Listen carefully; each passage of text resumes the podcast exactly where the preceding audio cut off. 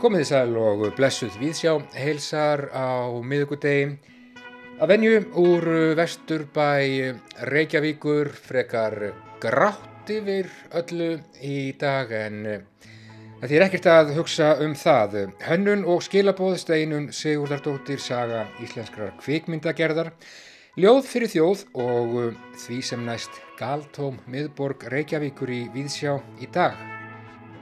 Við ætlum að huga meðal annars að hönnun og mikilvægum skilabóðum til fjöldans vegna veiru faraldursins sem að nú geysar í þetta dagsins. Í því sambandi ætlum að ræða við búa Bjarmar Aðarsteinsson, hönnuð og borkildi Sturludóttur arkitekt. Björn Þór Viljámsson, bókmyndarínir Víðsjár, hann fjallar í dag um bók sem heitir A History of Icelandic Film eftir Steve Gravestock, nýjutkomna bók eftir, já, einn af skipulegjendum kvikmyndaháttíðarinnar í Toronto. Það sem neytast er við að segja sögu íslenskrar kvikmyndagerðar meira um þetta í þættinum í dag. Hlustendur heyra líka eins og síðustu daga hér í Víðsjá undir lokþáttar, ljóð fyrir þjóð. Það er Baldur Trösti Hreinsson sem að lesa á stóra sveiði borgarleikursins. Ljóðdagsins er eftir Davíð Stefansson og heitir Til eru fræ. Og bókvíkunar hér árásætti að þessu sinni er ljóðabókin Dimmumót eftir steinunni Sigurðardóttur.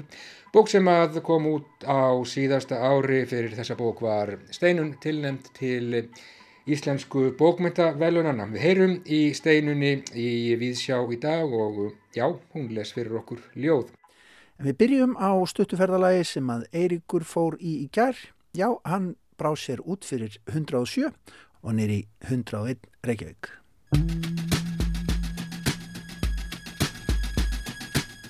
Já, trú þú okkur alheim yfir, það einn er Guð sem horfa kann, í eilifu ljósi einn hann lifir, okkur í myrkrið setti hann, og dagur og nótt er nóg fyrir mann.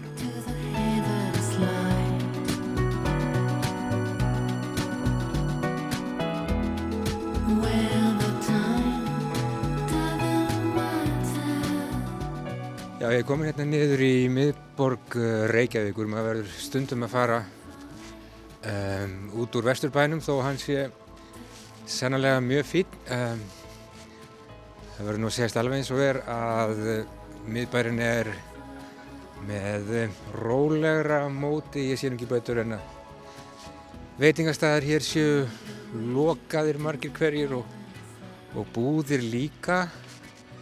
Um, sjálfsögðu ekki allar en allavega mjög fáir á ferli. Þetta er svona bara eins og á ég veit ekki góðum páskadegi eða ég veit ekki hvað en ég ætla að prófa að stinga mér hérna inn í inn í litla búð hérna við vitastígin, það getur oft verið gaman að koma þanga, ég ætla að sjá hvernig hvernig staðan er hér. Það er Það er lokað. Það er lokað í geislasturska búðs valda. Því miður. Þannig er farið um sjókverð þá. Um, það er ekkert að gerast. Ég fer þá bara aftur í vestur bæ. Það er eiginlega meira líf þar aldrei en hér. Sveimur þá.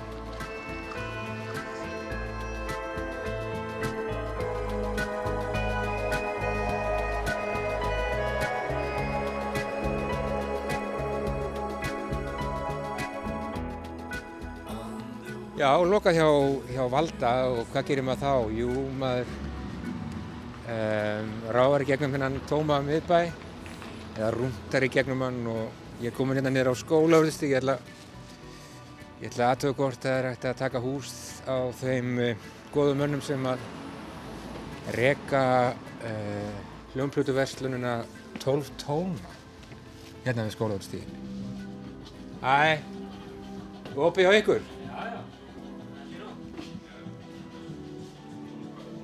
Það sér þið brattir. Hvernig gengur? Bara ágætlega. Komum margir? Ekkert mjög margir en einhverjir. Nei. Það er meira minna allt lokað hérna í miðbænum. Ég ætlaði að hafa með kaffi svo bara, Já. bara alltaf hægt. Við erum með kaffi líka. Það er kaffi ilmur hjá ykkur allavega. Já, já. Já. Uh, þið eru búin að breyta þessu langt sinni komið yngar. Þannig er þið komið með bara, já, bar og skeng. Mjög flott. Hvernig er hérna, að þið fáið nú held ég, ég vildi alltaf marga túrista til ykkur, hvernig er, hvernig er það núna? Það er nú bara mingaði nýri nánast ekkert. Já, Já. nákvæmlega. Að, en þessar fáur ræður sem eru hérna núna, er það fólk sem er að fá sér bara kaffisopa eða versla eitthvað skemmtilegt? Bara bæði, sko.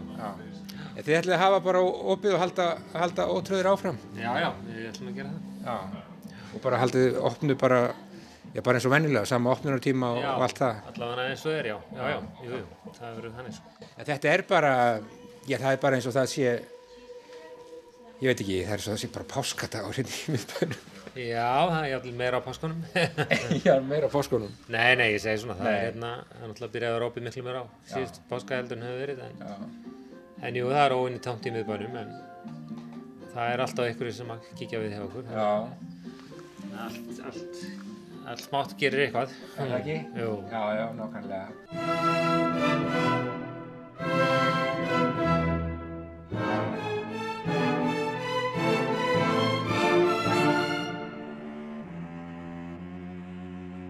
Og alltaf vantar mann og kannski aldrei meira en núna einhverja, einhverja hérna, fallega tónlist aðeins til að, til að hérna, hressa upp á mann. Algjörlega, við allan, tökum vel á móti öllum. Já. Ertu hérna, hvað ert þú að hlusta núna? Hvað er meðlurinn með? Hvað á ég að fara? Hlusta á nýju Jófríða plötuna, Já. hérna UFTR, New Dreams, Hún er góð. hún er góð. Já. Það er plata sem kom út fyrir stuttu. Mjög stuttu. Já.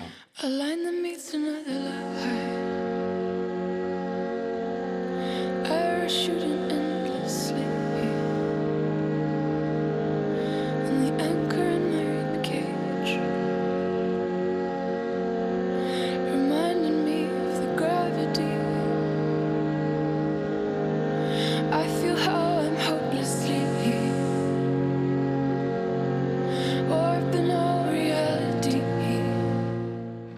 býða allir spenntir eftir nýju vikingsplötunni sem Sem að kemur á fyrstu daginn. já, hann er konum með helgina. Já. Já. Ég hugsa að við heyrum í Vikingi bara hér í þættunum viðsjá á fymtudeginum, daginn fyrir, fyrir útgáfun og þið eruð farnir að senda þá plötu bara heim, sá ég það ekki rétt? Jú, við bjóðum upp með þá þjónustu núna meðan, meðan þetta ástand er í gangi að fólk bara fá þetta sendt heim. Get ég ringt í þig eða Lalla og, og, og fengið ykkur upp á dyrum? Já, já, Í sótt verðum búningi kannski. já, algjörlega sko. við bara, Lárus minn kerði þetta út. Já. Hvernig hafa mann tekið þetta? Bara mjög, mjög vel sko, bara mjög fínt sko. Já. Og það er bara opið á, fyrir pantanir. Já. Já. Og verður mjög gaman að heyra. Já, algjörlega. En þú ert að hlusta á, á Jófríði einar og mælir með henni í, í þessu COVID-fári. Uh, ég hugsi takið þið bara á orðinu og hlusti á, á Jófríði í dag. Ég ætla að, það farið að snjóa hérna en það er nú engin hætt á því að maður verði innleiksa í umferð hér á skólaverðustignum í dag. Ég segi bara gott hjá ykkur að hafa opið og gott að vita af ykkur og gangi ykkur vel. Takk. Takk sem leiðis.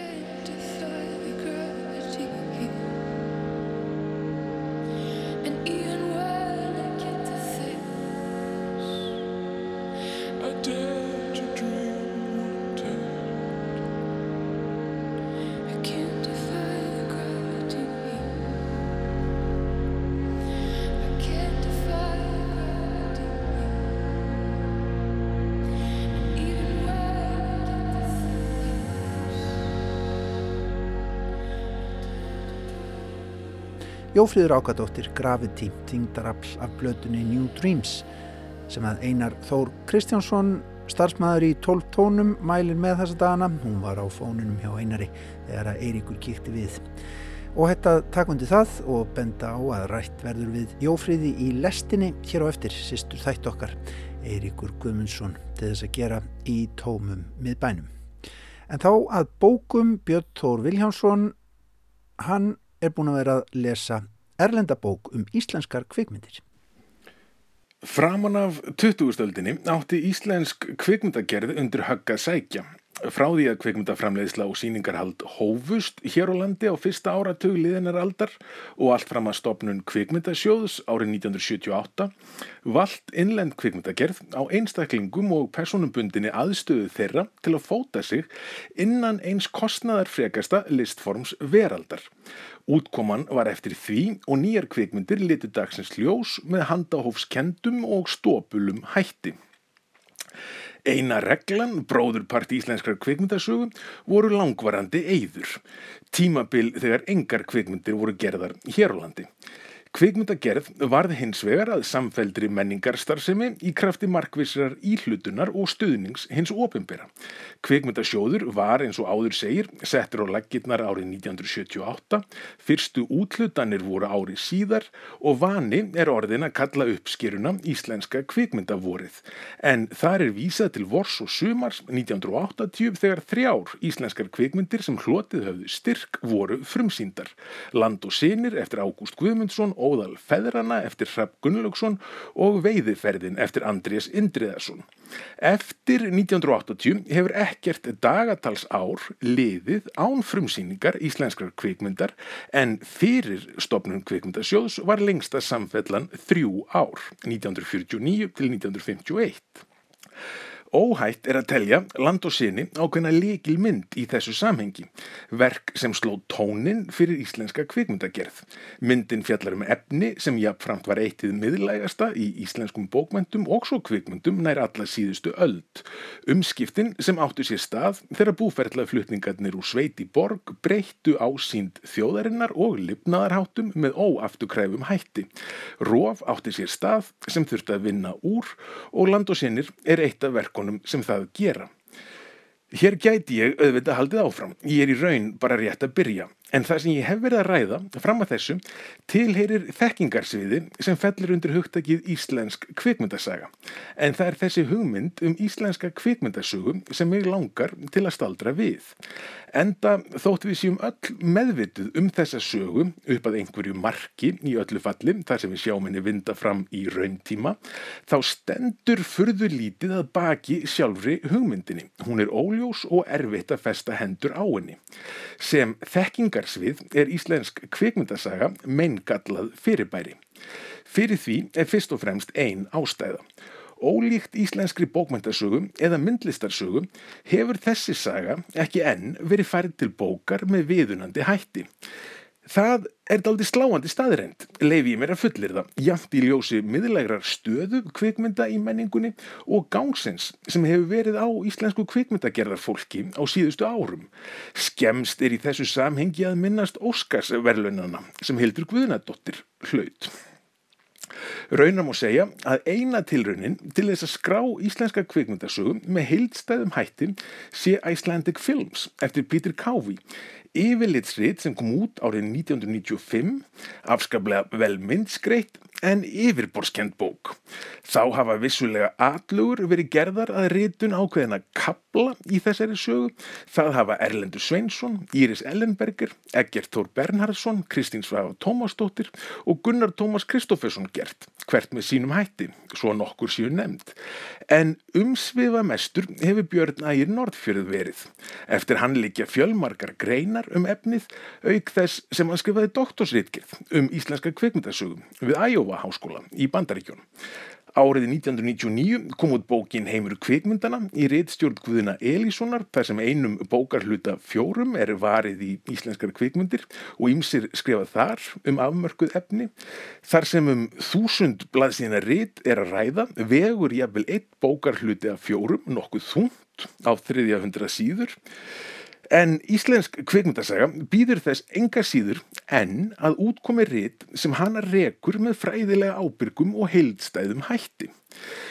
Það er ekki síst af þeirri ástæðum sem útkoma að History of Icelandic Film eftir Steve Gravestock hlýtur að vekja nokkra aðtikli en hún kom út síðastliði haust og spyrja má hvort ritið sem ég kallaði eftir rétt í þessu hafi þá loks byrst. Svarið við því er reynda nei. Svo gott er það nú ekki. Greifstokk hefur um árabil starfað við kvikmyndaháttíðina í Toronto þar sem hann sér meðal annars um Norræna bíóið og þess má geta í þessu samhengi að bókin er einmitt gefin út af kvikmyndaháttíðinni í Toronto og Íslensku kvikmyndamiðstuðinni. Þá er Greifstokk jáfnframt Íslandsvinur mikill og verðist vera í góðu talsambandi við íslenskt kvikmyndagerða fólk og hefur príðilega yfirsýn yfir íslenska kvikmyndasögu. Það er raunar einn af styrkleikum bókarinnar að fjallað er um stuttmyndir og sjómarsmyndir samhliða kvikmyndum í fullri lengt og má segja að þar reyni virkilega á þekkinguna og aðgengið því um er að ræða efni sem í mörgum tilvikum er afar erfitt að koma höndum yfir. Greifstokk hefur hins vegar ekki íslenskuna og kemur það í veg fyrir aðgengi hans að flestum frum og lekil heimildum. Í þessu sambandi verð ég reyndar að minnast á eitt atriði en það er að höfundur leiðir hjá sér að er virðist með öllu skrif þess kvikmyndafræðings sem mest hefur látið að sér kveða um íslenska kvikmyndasögum og þá oft og tíðum í greinum á ensku en það er áðunemdur Björn Ægir Norðfjörð. Yfirsjón þessi er enkennileg og auðvelt var að sjá kapla í bókinni sem nákvæmara hefðu verið og greina betri ef vísað hefðu verið í og notast við skrif björs. Að því sögðu er þó mest að fyrða hversu yfirgripsmikil og ákvæmlum nákvæm kvikmyndasaga greifstokk er. Bókinni vindur fram í tímaröð frá fyrstu ummerkjum um kvikmyndagerð hér á landi til dagsins í dag og nær bókin til eiginlega þeirra stundar ímynda ég mér sem höfundur sendi vinsluskjalið í prentun. Það er meira sem minnst á Bergmól eftir Rúnar Rúnarsson sem frumsýnd var í lok november í fyrra. Tveir leikstjórar fá kapla fyrir sig, það eru þeir Fridrik Þór, Fridriksson og Baltasar Kormákur og er það í ágætu samræmi við þingdarlögmálinn í íslenski kvikmyndagerða á umliðinum áratugum. En kaplatið tveir sem mér þóttu bitastæðastir, kannski einfallega vegna þess að þeir fetuðu síður sögulegu slóðina og voru þessi í stað frekar dæmi um greiningu og afstöðu höfundar í garð viðfangsefnisins, koma frekar seint í bókinu og skera sig nokkuð úr. En það eru kaplar annars vegar um viðveru hins yfirnáttúrulega í íslenskum kvikmyndum, umfjöllun sem svo verður að hluta til saga íslensku hrollveikjunar og svo kaplinn sem kemur í beinu framhaldi og fjallar um íslenskar greinahefðir, sjönrur. En þar fjallar greifstokkum glæpamyndina, barna og fjölskyldumyndina og romantísku gamanmyndina. Af ástæðum sem höfundur ræðir og er útaf fyrir sig forvitnilegar hafa þessar svo kölluðu greinamyndir ekki verið áberandi í íslenska bíónum, ekki frekar enn í Norræna, fyrr en á nýju árþúsundi og helgast það meðal annars af slagsíðu styrkjasjóða sem fannst fjármunum skattborgara betur varið í það sem kallam á listamyndir en greinamyndir sem hafa lengi haft á sér formúlu orðspor og þó tengjast kvikmyndagerðinni í Hollywood. A History of Icelandic Film eftir Steve Greifstock er príðilegt kynningaritt fyrir erlenda lesendur sem áhuga samir eru um íslenska kvikmyndagerð. Tekur ritinu sem fyrir var, bókin eftir Peter Covey, langt fram. Og ég ætla að leifa Greifstock að eiga síðustu orðin hér en þetta eru sumi leiðis loka orðin í sögubók hans. Í aldarlangri sögu sinni hafa íslenskar kvikmyndir sífelt endurskapað og endur skilgreint sig.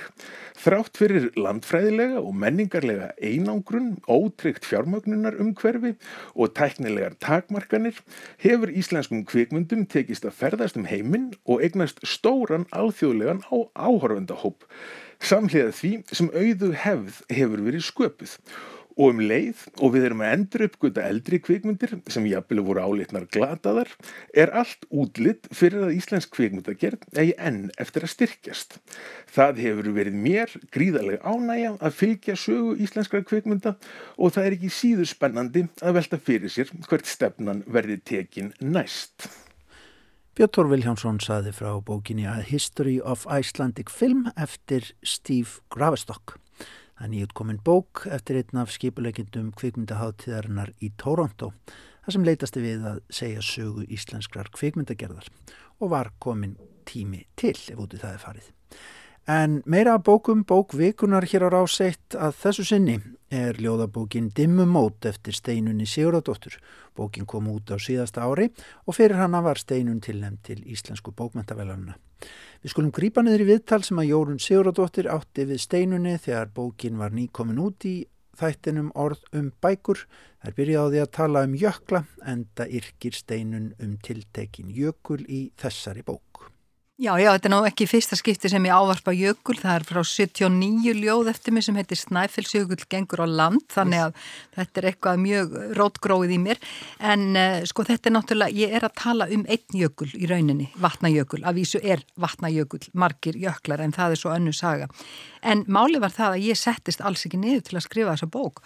Elstu ljóðin í bókinni er, ég gíska nú bara á, sko, já, sjö til, jáfnvel tíu ára Þannig að þessi bók hún var svakalega lengi að, eh, að, fá, að finna sér form og ég vissi ekki einu sinni fyrir en fyrir kannski ekkurum svona fjórum árum að þetta yrði eitthvað í líkingu við þessa bók. Mm.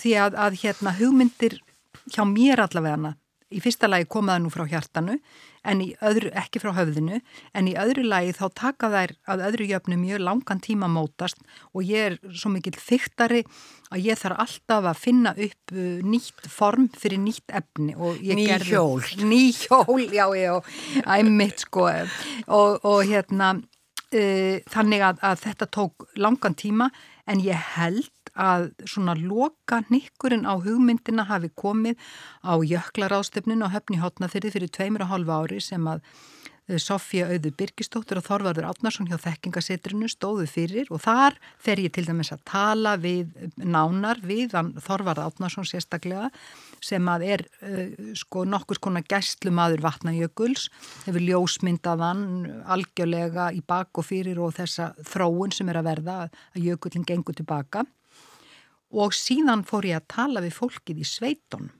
og það er ákveðin sko mótunarkabli fyrir þessa mm. bók að ákveða að hafa rattir þessa fólks með í bókinni. Rattir frá vatnajökla sveitum eins og það heitir. Já.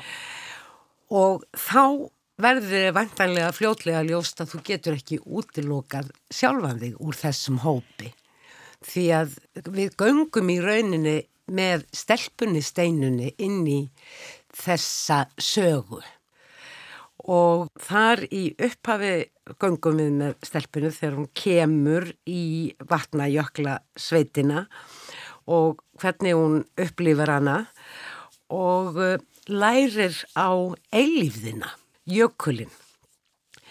Sveitin kendi þér sem sagt snemma að það er eitthvað til sem heitir eilíð, sami lækur sömu steinar í ljóðinu Pappasveit með jökli. Sko mín sveit er sem sagt fljótskverfi sem er náttúrulega vestan við vatnajökul. Bærin er svona mitt á milli nústaðar og kirkjubæðaklustus, bærinas pappa þar sem ég var þegar ég var lítil. Og átti þessar stundir ein með jöklinum þegar ég var að reka belliðnar. Hann sést semst ekki frá bænum, en þegar maður er búin að ganga nokkuð skrefniði fyrir hlýðanefið, þá sérstan og auðvitað leiti ég á hann sem eilíðar tákn einhvers konar. Ég komst nú snemma til dæmis í heimsljós eftir Haldur Lagsnes og gæti lesið það af einhverju svona fyrðulegu hundavaði. Og það stendur í bókina að jökullin sé nokkus konar eilíðar tákn. Og það hefði aldrei verið neitt meira óhugsandi þegar maður var lítill.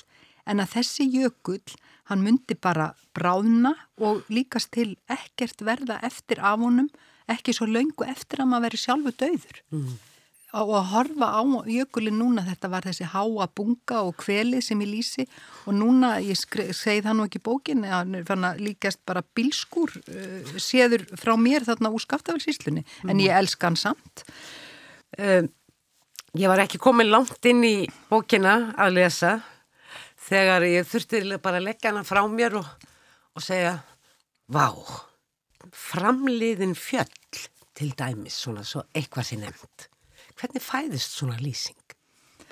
Hvað, ég veit það ekki. En má ég aðeins segja það að hérna, þetta með sjálfsæfisögulega þáttin, þetta kom freka senkt og ég var mm. ógeðslega feimin við að gera þetta, að vera að tala um sjálfa mig fyrir ég var lítil og eitthvað svona, að því ég geri þetta aldrei. Ég held að ég hafi aldrei gert þetta í neittni bók, alveg grínlaust. Mm. Og nú er þetta allt í hennu komið, svona þetta sjálfsæfisögulega ívaf og ég var svo feimið með þetta og svo fór ég með þetta til rittstjórans míns á heimilinu, Þorstens Haugssonar mannsins míns með tónskáld og hún er leist svona rosalega vel á þetta. Og sama sagði Sigriður Rökkvaldadóttir eh, hérna, Rökkvaldsdóttir eh, rittstjórnum minn á forlæginu mm. þannig að þá þorði ég sem sagt að hafa þetta þetta var mjög þungt fyrir mig að fara allt inn að draga sjálf á mig svona frá minn dagsljósi. Það er ekki hægt að tala bara einhvern veginn svona hlutlaust einhvern veginn um jökulinn og hans er bara eitthvað að fara. Þá er það bara einhvers konar rítgerð, það er allavega ekki ljóð. Mm. En hérna ég tók nú svo rækilaður orðið þegar óst að spyrjum hvernig mér ditti í hug með framleiðin fjöll. Sko málið er það að ég er náttúrulega orðafrík og orðabókarfrík og ég sef mikið hjá til dæmis, hvað heitir hann, Sifus Blöndal sem að getur auðvitað valdi ákunnum erfileikum á heimili. Stór og mikill. Já, hann er aldrei mikill og, og hérna, en, en sko orð hafa verið mitt líf og endi frá því ég var svo ótrúlega pínu lítil. Ég lærði svo fljótt að lesa og tala og, og ég er frá svona heimili þar sem að fólk var mjög hérna, sagt, mjög svona verbal sagt, það var mjög veltalandi fólk. Mamma kom úr Grímsnessunni og pappi úr Skaftafellsíslunni og þau töluðu bæði sitt sérstakka skemmtilega tungumál. Og þetta var náttúrulega mjög algengt á þessum tíma, fólk hafði svo mikinn orðaforða og, og ég svona, finn kannski fyrir því að, að ég hef smá áhyggjur af orðafáttaktinni núna. Mm. En það að manni dett eitthvað í hugi kringum orð, þetta er bara svo löng, að ég veit ekki hvort ég að segja, svo ósjálfrátt. Já, löng þjálfun, já og nei, sko. Já. Veistu það, þegar þú spurðum um þetta með, með fjöllin og hvernig dattir þetta í hug, eitt af því skemmtilegasta sem mér hefur, hefur nokkuð tíma lendi í, það fyrir löngu síðan ég var að lesa fyrir krakka í Östubæðaskóla og það kom lítið stráku til minn og eftir og sagði, hvernig dettur þér þetta allt í hug? Og þú spurður eiginlega alveg eins og þetta var svo skemmtilegt. ekki löngu eftir að orðið framliðin fjöll í mann og ekki í hvaða ljóði það var en það rakst ég á hróðgræðki Það er nýjir eftir sjálfum Já, þau eru nokkur í þessari bók eins og yfirlega í þínum bókum og þú nú sjálf velt þessu fyrir þér á, á almennum grunni þessari nýjirða smíð ljóðskalda nýlega þegar þú helst þinn Jónasar Hallgrímssonar fyrirlestur ekki satt. Jú En hraðgræðki kemur fyrir ljóði sem heitir Sjónarsviftir og lok þessa ljóðs eru svo nöturleg og ég held að það hafi verið þarna sem váið datt út úr mér. Viltu lesa það ljóð fyrir mig? Sjónarsviftir 1 Kvíta gullfjallið ofar öllu Ljós landsins Það fer og skuggarnir verða Sjónarsvift erum við á Íslands eigunni, við í heiminum. Á förum frá okkur, frá sjálfum sér sjálfum, það glemtist að hann er úr vatni gerður, að hann leysist upp í það og flæðir yfir veg allrar veraldar, ekki í hemdarskinni, það er bara engin önnur leið en þessi sem við rögtum hann á við misindismenn við óvitar sem köllum okkur þó homo sapiens og Stephen Hawking sendi þau skilaboð úr fangelsi líkamanns að við getum ólíkt dýrónum, náð utanum alheimin. Við vitiborðnu skiljum þá hamfara hlínun á jörðinni en við látum ósköpin yfir ganga, börnin og barnabörnin, krútin á Facebook Hvað verður um þeirra krút og þeirra krút krút? Er okkur alveg sama? Sama sem hráðgræðki, dáðleysi, ár fram af ári, mann fram af manni? Jökullin verður engin að sér gengnum engin, ekki nokkur. Hann verður skrattakollur, kollóttur. Fjall með framliðnum fjöllum ekki ísfjallið brakandi bjart, svo steindrefst heimsins kvítasti kroppur og við tekur ótínt grjót. Þannig heyrðum við steinunni Sigurðardóttur flytja ljóðið Sjónarsviftir 1 úr ljóðabókinni Dimmumót sem er bókvikunar hér á ráseitt að þessu sinni. Jórun rætti við steinunni í þættinum orðum bækur. Gestir Jóhannesar Ólafssonar í þættinum bókvikunar á sunnudagsmorgun verða þau Kári Túliníus ljóðskald og Greta Sigriður Einarstóttir bókmyndafræðingur. En gott fólk, það hefur margótt komið fram hér undanfarnar daga að við lifum á fordæmalauðsum tímum og nú rýður á að koma skilabóðum, réttum og góðum skilabóðum hratt og vel til sem allra flesta. Í gangi er eitthvað stærsta og líklega merkilegasta bóðskipta verkefni stjórnvalda sem upphefur komið í líðveldu sögunni og líklega Íslandsögunni allri. Og skilabóð þarf að forma, orða og í raun hanna. Já, ég er að tala um faraldurinn. En hvernig er að takast til? Við sjá tók upp síman og leitaði til tveggja fagmanna, búa Bjarmars Aðarsteinssonar hönnuðar og borgildar Sturldudóttur arkitekts sem búsettir í Danmörku og fekk þau til þess að velta aðeins fyrir sér hvernig skilabóðin berast okkur hér á Íslandi þessa dana, hvernig rými tekur breytingum á faraldstímum og hvernig valdið, stjórnvaldið tekur til máls. Búi Bjarmar Aðarsteinsson kannski svona það sem maður hugsar fyrst og fremst um er bara í rauninni svona gokkunaröð upplýsinga. Veist, hvað þarf að komast fyrst til skila og þú veist, hvað er mikilvægast. Þú veist, ef þú getur ráðið er mikilvægt að fólk viti það eigi að fóða sér hendunar eða halda fjarlægð. Að maður hugsi um hvernig bara hefur sjónræðin að teku með að mikilvægi upplýsingana og mér hefur svona fundist hinga til að þú veist að það eru svona nokkri svona líki hlutir sem eru hafðir í þessu svona kastljósi að þú veist við munum að það séu tveir metrar, við munum að få á okkur hendurnar og við munum að vera eins mikið heima og við mögulega getum. Þannig að svona mér fundist þetta nokkuð vel gerst uh, en síðan þú veist til þess að þetta komist til skil að þá þurfum við náttúrulega bæði að huga að því hvernig upplýsingarnum er það getur náttúrulega verið á fjölmarkan hátt bæði í hérna, sjónmiðlum, í töluðumáli og fleira. Þannig að þú veist, þetta er náttúrulega alls herjar svona branding verkefni og það þarf líka að huga því að ná til allra sem er alltaf svona einstakt uh, þú veist, alltaf en ef maður setur þetta svona í samingi við auglýsingar þá er þetta einstakt að reyna að ná til allara um, og þekkist í rauninni þá miklu meira úr svona pólitískum herrferðum en jafnvel í pólitík þú veist að þá eru uh, flokkanir að miða þú veist þeir eru ekki að reyna alveg að ná til allra þeir vita að þeir þurfa að ná í eitthvað stig hjá ungu fólki eða eru meira að hefða til eldra fólks og svo framvegis. Það er það sem að gerir svona alls herðjar áttak, það sem að allir þurfa að vera meðvitið mjög hérna bara óbúinlega áhuga að vera tilraun. Nú höfum við verið að sjá sko fleiri í raunni svona miðlunar leiðir koma til bara á síðustu dögum. Við sjáum já það kom vefsíða og svo komu hérna sjónvasölsingar og þarfram til göttunum hvernig finnst þér já eiginlega tiltakast svona við auðvitað náttúrulega eru við í þessu miðju?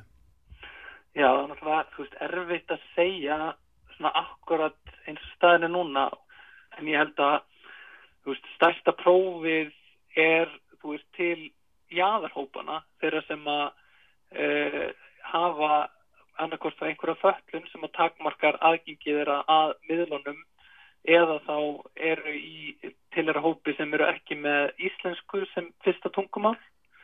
Ég get vel ímynda mér að upplýsingarna sem berast tangað eru kannski takmarkaða eitthvað leiti þó ég, þú veist, hafi ekkert fyrir mér í þeim málum en svona sýsti mín er að vinna upp í, í hérna breiðalskóla þar sem eru margi fóröldra sem hafa íslensku ekki á fyrsta tungumáli.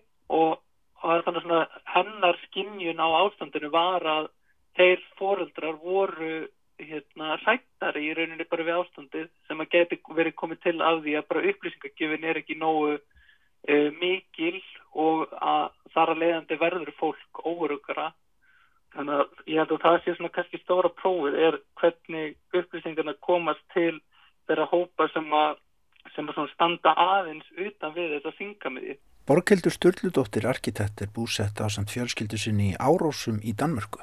Kanski það sem mér finnst bara af því ég bý hérna og mér finnst bara svo óbúðslega áhugaverð nálgun hvernig boðlegaðar hafa verið á Íslandi og hvernig það hafa verið í Danmörku. Ég er í fyrsta skipti svona það sem ég svona virkilega fyrir, fyrir svona jákvæðu stolt, ef við getum kallað þannig, þú veist, ekki þjóðrimböðinni slítist, það er svo faglega tekið á þessu á Íslandi. Ég ætla ekki að segja að, hafa, að fólk hafi afhengt vald, ég er ekki að segja að þú veist að það er svona bara meira að hjá okkur hefur þetta náða að spinnast í gegnum náttúrulega tölvöld lengri tíma heldur en í Danmarku, það er náttúrulega tíminn hefur mikið um þetta að segja, en á Íslandi velur maður að hlusta á faglegar ráðleikingar og leiðbenningar á tímum þar sem við vitum ekki alveg hvað er upp og hvað er niður. En Danir einhvern veginn af því að þeir brugðust frekar seint við.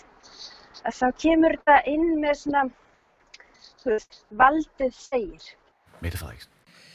Vi har gjort meget, og vi har gjort det hurtigt. Alle i Danmark er berørt af situationen.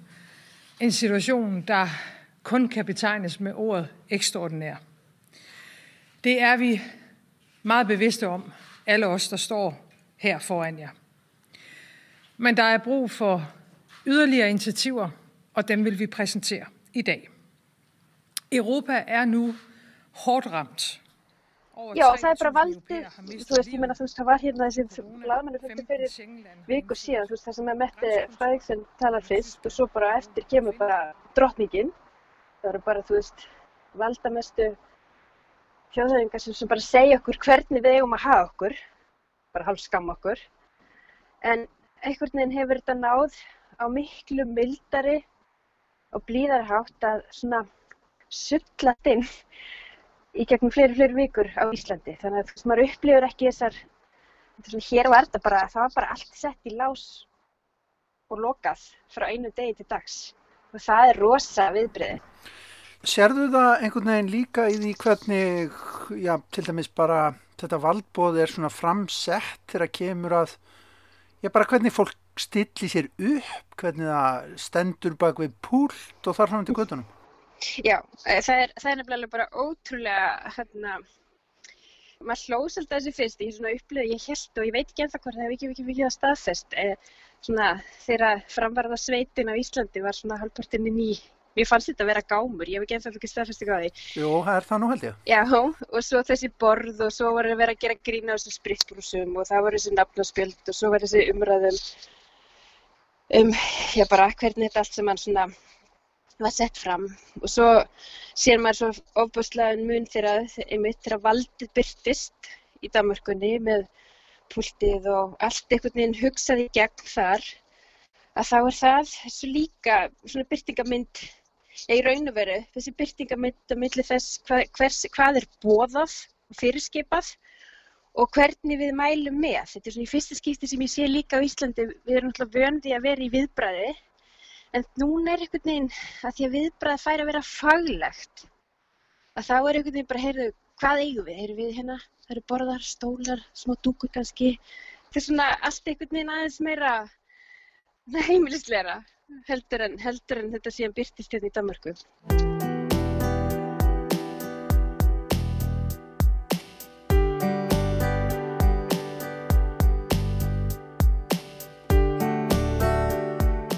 Handþvottur er mikilvægasta síkingavörðin því snerting, bein og óbein er lang algengasta smitleið síkla millir fólks.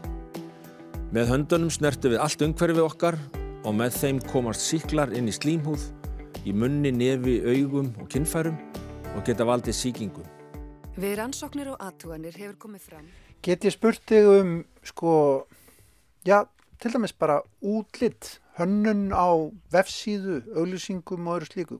Sko, mín tilfinning fyrir auglýsingunum eru, þú veist, það eru þessir björstu einkennandi litir um, þú veist, það hefur verið að þú veist, það eru alltaf kvítu bakgrunnur þú veist, það er greinilega verið að huga að svo tengslu við hreinlæti, þú veist, það er notað mikið grunnformin í að miðla og svona sína hvað er hægt að gera og svo þess að svona einföldu íkega eh, hérna skotnu eh, hérna upplýsingar sko, þú veist það sem að veist, þetta eru svona mjög beinar myndrannar framsetningar í, í teiknum stíl um hvernig á að þú hendur um, og svona reynda að nota mikið svona einföldu ták til þess að koma á framfæri uh, upplýsingum.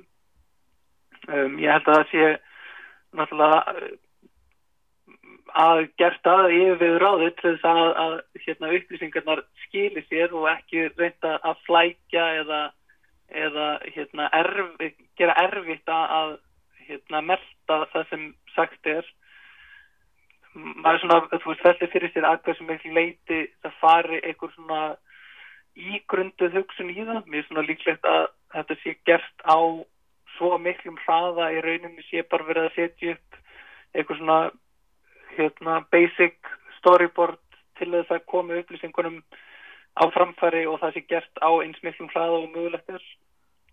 Það því að yfirlega ef það verið sett einhver svona herfer í gang Eh, ekki með þessum formerkjum að þá er það að vinna sem væri einhverjir tveir, þrjir mánuður þannig að maður svona maður veit ekki hversu mikið maður getur lesið í uh, þess að líkur á baki í þessum ákvörunum en, uh, en þetta er svona eins og það blasir fyrir mér sko. Auðvitað er þetta náttúrulega alltaf sem talandi sem arkitekt á því sem við höfum alltaf þótt sko allt svona óbúslega gegnum hannað hérna í Danmörku, ég fer ekki lengt með það, þú veist, allar, allt sem er hérna er alveg maður sér, þú veist, það er allt saman út hugsað, en þarna er bara tíminn svo rosalega mikilvægur í þessu að það er, svo, veist, það er, það er miklu fyrr bröðust við á Íslandi bara með svona einhverjum ábendingum og því sem til er. Það er svolítið það sem ég finnst kannski og nú tala maður kannski gegn sínum einn hönnunar haus skiluru en, en það er bara, þarna er bara einhvern veginn þarna finnst mér skipta meira máli að við fáum einhvern veginn bara svona heiðarlega blátt áfram uh, heyrðu, svona er þetta við þurfum að segja ykkur þetta núna og við ætlum að segja ykkur þetta hverjum degi. Og ég veit ekki, þetta er allavega en aftur eins og ég segi, mér finnst þetta þetta er samt, það er þessi faglega nálgun sem er í skilabóðunum þó að ég verða alveg ekki, ég hlæm svolítið að þessum ramma sem er mjög svolítið vonda upp á veggina bara drottin blessi heimili sko á bakvið, bakvið framvarðsættina og blúndudúkar á þessi púl geta alveg gert sér líka sko svona bara til að undirstryka það sko Einni er mikið vegt að sóttreinsa reglulega alla snertifleti sem margir ganga um svo sem hurðarhúna, borðfleti, liklaborð og tölvumís, síma og slikt sérstaklega vinnustöðum og almanna rýmum svona hönnunarlegu sjónamiði og það sem ég hef reykið með á er í tengslu við þennan uh, sem hefur verið kallað hostile arkitektúr sem er svona snýraði að stýra hægðun og maður sér þú veist að, að verslanir eru farnar að koma upp svona merkingum fyrir því hvað maður getur staðið eða hvað er tveggjametra fjarlægt frá næsta viðskiptafinni og sem að svona vekur upp svona ákveðnar svona skemmt, eða ekki bynd skemmtilegar þú veist það með svona vekumann til umhugsunar um fjarlæðaskinnjun þú veist að hversu miklu leit marki maður getur skinnjað tvo metra. Og, og svona ég verði einmitt að, pæli því dag þú veist að þeir metrar eru þú veist ekki svona vegalengt sem að er svona, maður er með á taktennunum þú veist hversu langt það er.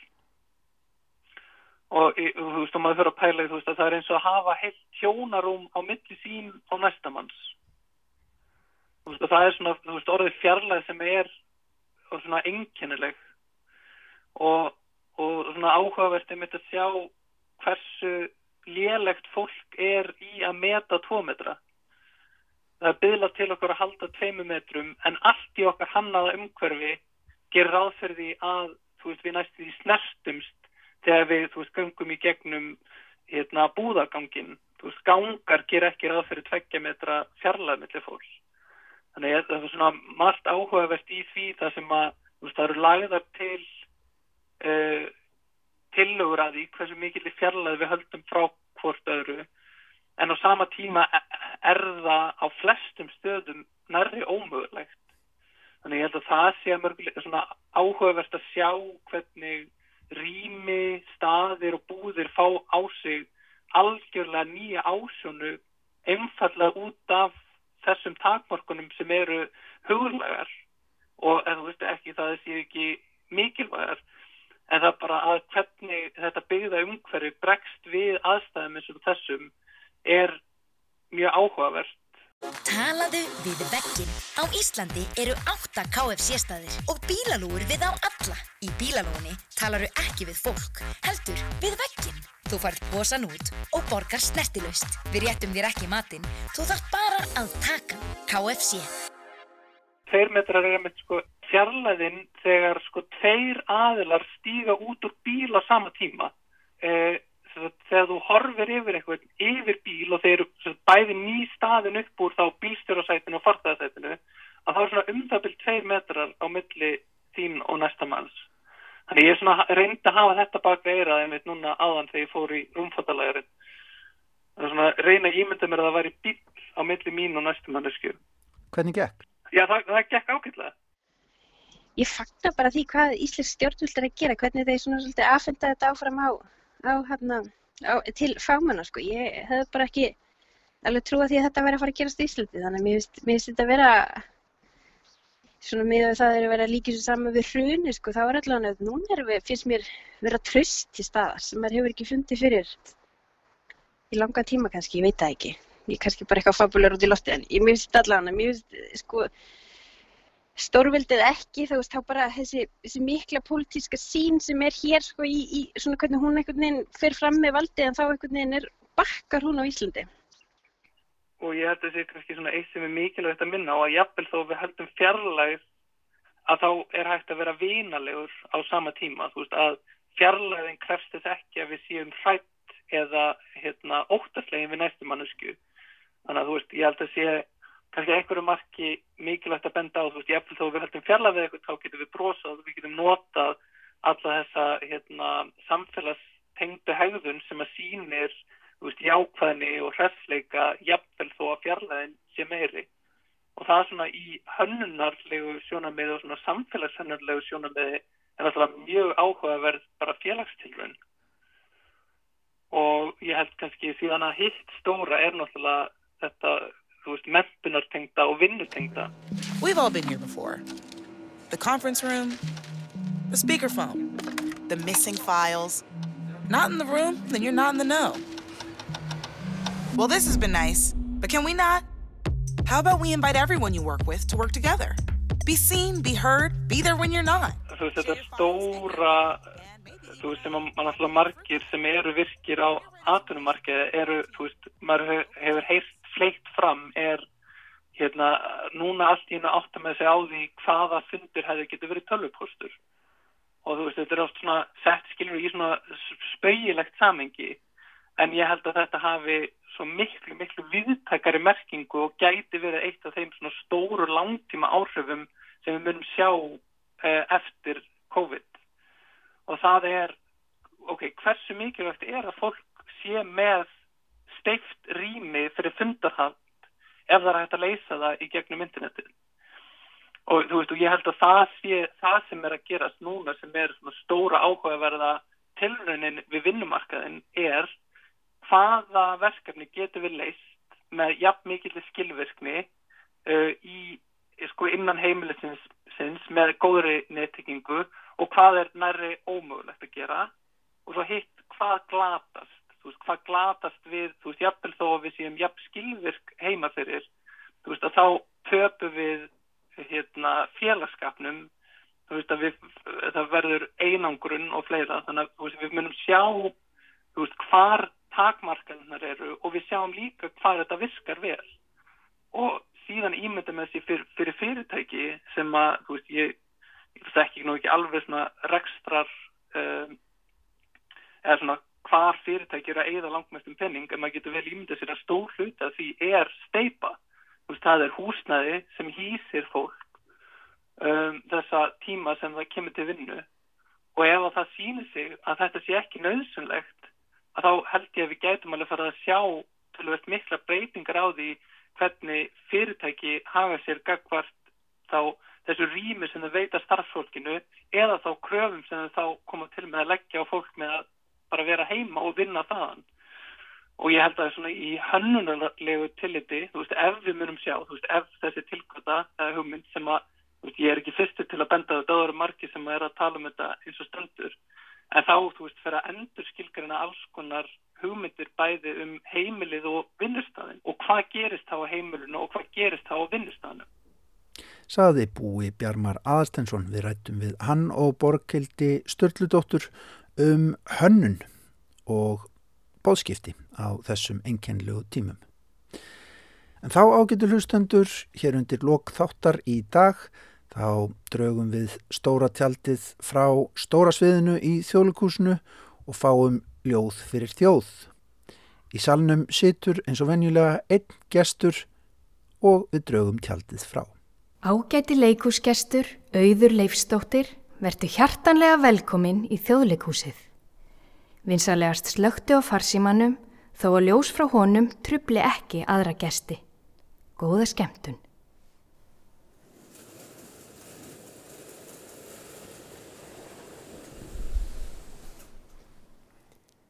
Til eru fræ eftir Davíð Stefánsson frá Fagraskói.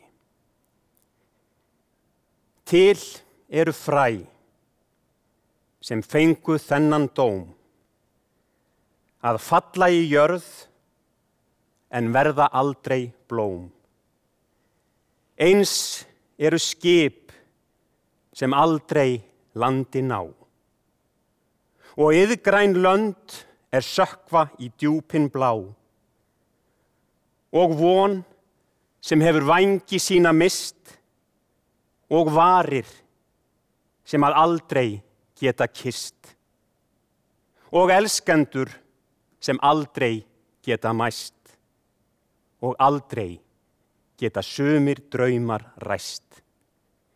Til eru ljóð sem lipna og deyja í senn og lítil börn sem aldrei verða menn.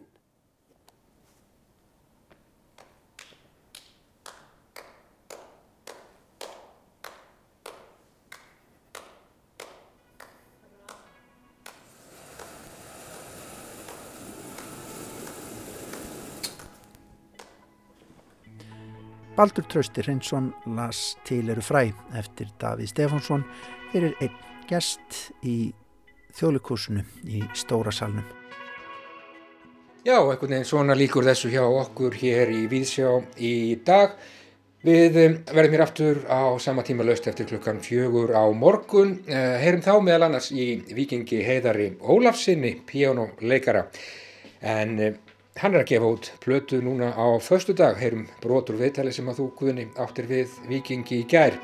Og uh, meira um það á morgun já og þetta margt fleira í bóði en uh, við segjum þetta gott í dag, takk kærlega fyrir samfélgina, verið sæl.